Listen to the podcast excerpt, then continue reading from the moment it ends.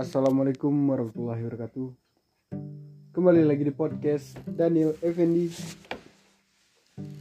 Podcast kali ini eksklusif Ataupun terkhusus Terkhusus untuk eh, Siswa SMKN 1 Matur Kelas 10 Yang belajar simdik Simulasi digital gitu. Ada kelas UPW akuntansi akomodasi perhotelan dan tata boga 1 dan 2 gitu. Nah, sekarang eh, saya akan mencoba untuk menjelaskan kepada saudara dan saudari atau mungkin para pendengar ya eh, tentang materinya adalah tentang kewarganegaraan digital dan penelusuran informasi. Eh, sebaiknya ketika anda ataupun saudara atau ketika lu mau mendengarkan podcast ini sebaiknya eh, materinya dibuka dulu itu PPT-nya ataupun yang PowerPoint-nya itu sudah saya share di grup di WhatsApp itu. Oke, tidak usah berlama-lama. Gue akan coba untuk menjelaskan kepada semuanya dimulai dari halaman 92 itu tentang peta konsep. Peta konsep uh, ya saya rasa anda sudah memahami bagaimana cara membaca dari sebuah peta konsepnya gitu. Jadi peta konsep dari kewarganegaraan digital dan penelusuran informasi ini berada di tengah ataupun poinnya itu berada di tengah lalu dicacah ataupun dipecah menjadi dua. Yang pertama itu kewarganegaraan digital atau kewargaan digital sorry dan yang kedua adalah penelusuran informasi dan keluarga negara kewargaan digital ini dibagi menjadi uh, sembilan sembilan bagian. Ada akses digital, lalu perdagangan digital, komunikasi digital, literasi digital, etika digital, hukum digital, hak dan tanggung jawab digital, lalu kesehatan digital dan keamanan digital. Sementara penelusuran informasi ini dibagi menjadi dua. Yang pertama ialah tampilan mesin pencari ataupun search engine-nya. Lalu yang kedua adalah teknik pencarian informasi. Kita lanjut kepada poin D yaitu tentang materi pembelajaran. Pada materi pembelajaran ini kita akan membahas dua poin utama. Yang pertama itu kewarganegaraan, kewargaan digital, dan yang kedua adalah penelusuran informasi. Kita kupas satu persatu dahulu tentang kewargaan digital. Uh, nanti saya akan coba menjelaskan dan membaca dan mencoba untuk menjelaskan dengan bahasa saya sendiri dan semoga lu semua paham dengan apa yang saya bicarakan. Okay? Uh, seperti yang kita ketahui lah sekarang siapa sih yang tidak online? Siapa sih yang tidak kenal dengan internet? Bahkan ketika Anda tidak mempunyai device ataupun hardware ataupun bahkan account sebuah platform media online apakah itu Facebook, Twitter, Instagram, smartphone. Itu adalah aspek-aspeknya ya menurut saya. Atau PC itu bukan bisa datang ke warnet. Uh, menyewa komputer ataupun main di warnet. And you can access for all information melalui Google. Salah satu search engine yang akan kita bicarakan di sini atau mungkin ada beberapa platform-platform yang menyediakan sarana-sarana informasi gitu. Uh, dengan berkembangnya zaman, dengan berkembangnya teknologi, dengan berkembangnya uh, teknologi, ya tadi gue udah bilang teknologi ya sekarang teknologi lagi. Apa pun sekarang bisa kita lakukan melalui media yang bisa kita akses yang bisa kita genggam di mana pun kita berada tanpa harus kita bertatap muka secara langsung itu salah satu pengaplikasiannya ataupun penggunaannya namun ada dampak positif di sini dan juga ada dampak negatifnya gitu. Salah satu dampak negatifnya ialah uh, sering kali bersinggungan dengan aspek hukum. Atau yang kita sebut dengan UU ITE atau bahkan yang dilakukannya ialah sebuah cybercrime ataupun kejahatan cyber.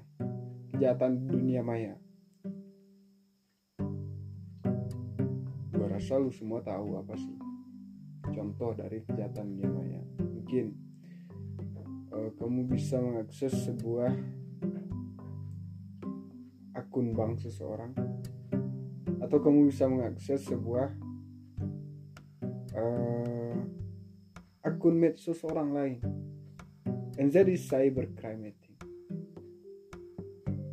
secara keseluruhan secara umum. Dan itu adalah salah satu contoh dari kejahatan positifnya apa? Positifnya banyak sih. Salah satunya lu mendengarkan materi pembelajaran tidak hanya dari gua ya tidak hanya dari saya. Kamu bisa mendapatkan apa pun. You can get all anything when you access the internet. When you access on the search engine. Mungkin sekarang lagi musimnya daring lagi musimnya kamu menggunakan sebuah aplikasi online berbasis online yang mungkin kamu butuh untuk melihat sebuah referensi video. Atau kamu mungkin butuh sebuah informasi yang berkaitan dengan apa yang terjadi dengan sekarang. Misalnya kayak COVID-19, COVID-19 itu mungkin salah satu positifnya sebenarnya apakah hanya itu saja? Oh tidak. Banyak lagi sih. Apa pun yang kamu akses ketika menurut ketika itu membuat sebuah efek yang baik saya rasa itu telah salah satu dampak dari positifnya anda uh, memanfaatkan platform-platform online. Oke. Dan kita akan masuk ke dalam kewarganegaraan kewargaan digital. Nah, di sini kewargaan digital menurut dictionary.com Warga digital adalah orang yang mengembangkan keterampilan dan pengetahuan dalam hal penggunaan internet dan teknologi lainnya, teknologi digital lainnya secara efektif sehingga berpartisipasi secara bertanggung jawab dalam segala aktivitas sosial maupun aktivitas umum di dunia maya. Lalu bagaimana dengan kita ataupun orang-orang yang tidak bisa memanfaatkan sebuah media tersebut menjadi baik? Dan saya rasa itu adalah karena ini aspeknya adalah ini etika dalam mengakses sebuah mengakses sebuah bukan mengakses sebagai seorang warga digital ataupun warga di dunia maya mungkin sama sama bagi saya itu sama sekali dan sama persis dengan warga di dunia nyata ataupun yang kita lihat sekarang.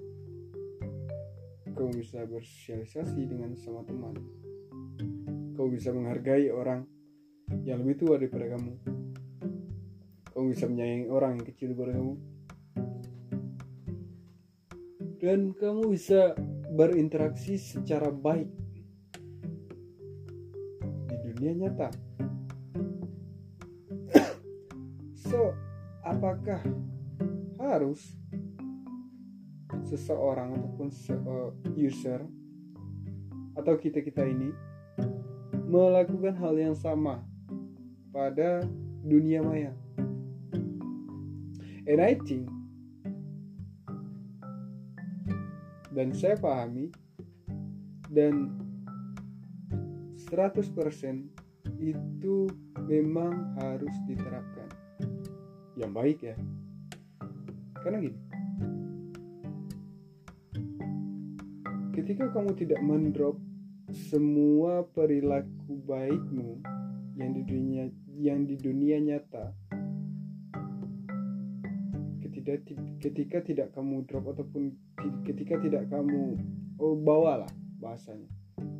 Ketika tidak kamu bawa semua sifat baik kamu ke dalam dunia maya yang dari dunia nyata ini apakah itu termasuk ke dalam warga digital yang baik? And that is not itu tidak sama sekali. Tidak. Sama sekali tidak karena gini apalagi kita adalah orang-orang yang konsumtif. Orang-orang yang belum bisa mengembangkan. Setidaknya kita respect terhadap suatu hal suatu aplikasi atau bahkan menggunakan aplikasi tersebut dengan baik. Itu adalah salah satu contoh apresiasi sebagai warga digital Meskipun kalau di dalam buku ini yang saya lihat adalah di sini menceritakan seperti Mike Rebel merupakan seorang pelopor yang telah membuat tulisan dalam berbagai buku dan jurnal di bidang kewargaan digital mendefinisikan digital citizenship sebagai norma-norma yang sesuai serta perilaku yang bertanggung jawab yang berkenaan dengan penggunaan teknologi digital. Artinya adalah ketika kamu menggunakan sebuah teknologi digital, kamu harus tetap memperhatikan norma-norma. Tetap memperhatikan aturan-aturan yang baik yang uh, sopan. Lalu di sini dijelaskan ketika mengekspresikan sebuah ide ataupun gagasan karakteristik pribadi, ide, maupun tujuan yang tertuang di dunia maya yang tidak mempertemukan individu, maka secara tidak langsung mendorong makin menipis bahkan hilangnya. Bahkan hilang. Norma-norma sopan santun. Miris nggak? Eh, gue sih miris. Miris kan bahkan di sini juga disampaikan uh, makin menipisnya bahkan hilangnya rasa tanggung jawab dan etika saat berkomunikasi. Ini ada keterkaitannya. Norma kesopanan santun norma sopanan santun rasa tanggung jawab dan etika saat berkomunikasi. Karena ketika ini sudah bobrok ataupun salah satunya akan uh, tidak digunakan ini berkesinambungan ya ataupun kayak berkaitan ketika ketika kamu meninggalkan salah satunya itu akan pincang. Itu akan uh, tidak baik tidak bagus gitu. Maka untuk mengantisipasi hal-hal yang demikian menipis bahkan hilangnya norma-norma kesopan santun rasa tanggung jawab dan etika saat berkomunikasi ini, maka diperlukanlah sebuah kewargaan digital. Mari kita lihat pada halaman 93 tentang fungsi dari kewargaan digital. Ada delapan fungsi. Yang pertama, cerdas dalam menggunakan media digital. Cerdas dalam menggunakan media digital. Oke, di garis bawah ya, cerdas dalam menggunakan media digital. Sekarang, siapakah yang tidak menggunakan media digital? Mungkin mungkin. Mungkin orang-orang yang sudah lanjut usia yang memang tidak mau mengikuti peradaban. Poin pertama. Atau ada anak-anak muda di luar sana yang memang mengisolasi dirinya untuk tidak ikut andil dalam perkembangan dunia. Ada tapi beberapa mungkin. Mungkin. Karena yang gue pahami dia adalah ada orang ada maju ada mundur ada laki-laki ada perempuan ada hitam ada putih. Ketika kita mengatakan semua orang menggunakan media online stop. Jangan katakan semuanya. Mungkin ketika bahasa lu hampir hampir semua orang menggunakan it's it's okay. Itu itu tidak tidak bermasalah. Tapi kalau mengatakan semuanya mungkin itu kurang tepat. Nah kira-kira apakah semuanya sudah cerdas dalam menggunakan media digital ini? Ini adalah poin pentingnya. Belum tentu orang menggunakan media digital tapi dia belum cerdas. Belum tentu. Karena cerdas dalam menggunakan media digital ini uh,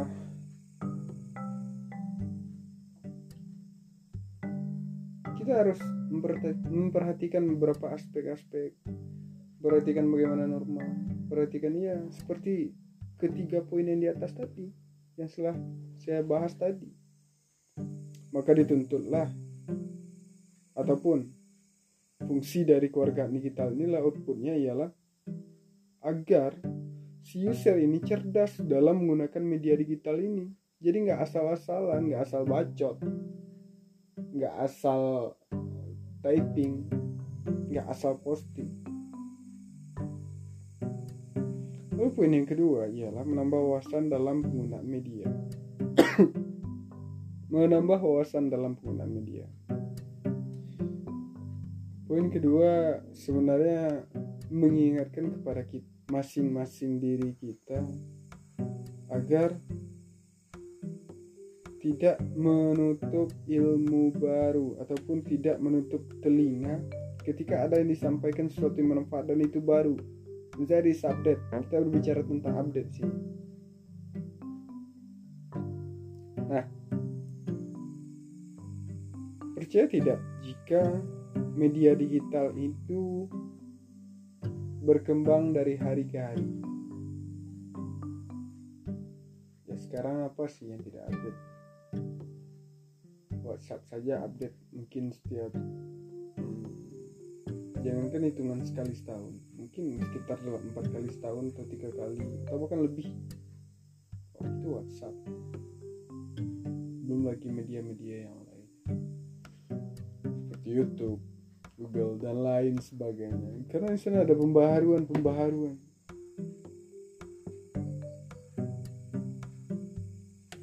Sebagai warga digital ataupun kita sebagai orang-orang yang mengikuti kewargaan digital itu gimana sih gitu? Dan fungsinya jelaskan pada poin yang kedua ini menambah wawasan dalam penggunaan media agar masyarakat itu cerdas agar user-user yang online setiap hari itu cerdas dalam penggunaannya karena tiap hari itu ada perkembangan ada pengembangan aplikasi, ada pembaruan informasi, ada aplikasi yang baru ditemukan. Dan kita tidak bisa menjudge ataupun kita tidak bisa telinga bahwasanya ini tidak baik. Lalu salah satu fungsinya adalah untuk membawa wawasan tadi. So, poin yang ketiga ialah menciptakan kehidupan yang bermanfaat. Ciptakan kehidupan yang bermanfaat. ketika kamu menggunakan sebuah media platform online dan kamu sudah memperhatikan beberapa aspek dari keluargaan digital tadi dan kamu menerapkan itu semuanya by yourself pada diri kamu. Itu akan menciptakan kehidupan yang kuat. Karena kita membawa perilaku sosial yang baik itu di dunia nyata pada dunia maya. Lalu selanjutnya menciptakan rasa tanggung jawab. Karena tadi jelaskan akan menipis bahkan hilang rasa tanggung jawab tadi. Maka fungsi dari keluarga digital ini adalah menciptakan rasa tanggung jawab agar tidak ada lagi yang salah-salah typing ataupun tidak ada lagi yang penyebar berita hoax. Karena konsep dari hoax ataupun berita bohong itulah tidak ada yang akan bertanggung jawab. Padahal logikanya adalah apa pun yang kamu posting sumbernya itu bisa diketahui. Ya mungkin teman-teman online saya kan orang-orang biasa saja bisa dia mempunyai keahlian. Mungkin saja dia bisa melacak di mana informasi tersebut. Oh, maaf di mana siapa yang tersebut. Bisa saja. So maka fungsinya ya menciptakan rasa tanggung tadi. Agar user ataupun kita sebagai pengguna media-media online ini bertanggung jawab terhadap apa yang kita posting, apa yang kita lakukan, apa yang kita ucapkan, dan apa yang kita typingkan di sana. Terus selanjutnya adalah menghindari permasalahan. Ataupun crash kalau nggak salah bahasa Inggris. Atau chaos ya chaos. Tidak jarang sih orang-orang uh, melakukan ya mungkin kecilnya mungkin kalau kecilnya mungkin tidak saling tegur sapa. Uh, atau tidak apa tidak berkomunikasi dengan baik atau bukan bermusuhan sampai hitungan hari bulan misalnya permasalahan itu muncul? Dan mencuat naik. Sudah dihadirkanlah keluarga digital ini yang fungsinya adalah menghindari permasalahan agar si user ataupun si pengguna ini merasa aman. Selanjutnya ialah membantu proses interaksi ataupun uh, contoh saya yakin di sini saudara menggunakan beberapa aplikasi-aplikasi untuk berinteraksi secara tatap muka tetapi tidak uh, bertemu secara langsung. Mungkin video call ataupun melalui telepon. Atau kamu bisa melihat idola kamu sendiri. Mungkin seperti kayak live di Instagram atau live di Facebook. Atau aplikasi-aplikasi lainnya agar proses interaksi itu jalan itu yang yang yang yang yang, bang, yang dibangkitkan di sini. Lalu poin selanjutnya adalah meningkatkan persaingan dunia bisnis. Nah persaingan dunia bisnis ini ya pasti ada ya. Karena semua orang ingin bisnisnya maju semua orang ingin apa yang dia kelola itu menjadi baik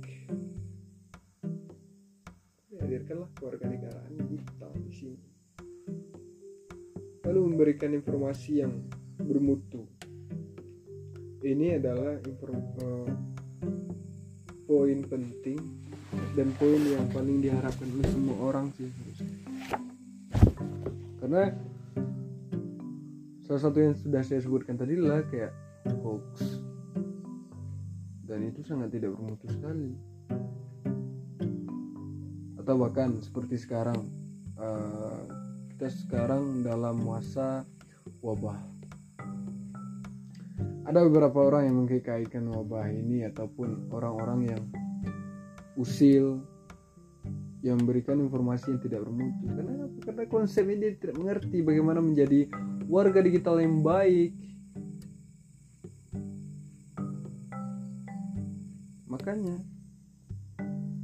Fungsinya di sini ialah ataupun outputnya sini adalah memberikan informasi yang, bermutu yang bisa dikonsumsi oleh orang banyak yang bisa uh, digunakan oleh orang banyak yang bisa kita akses dan kita layak untuk mendapatkannya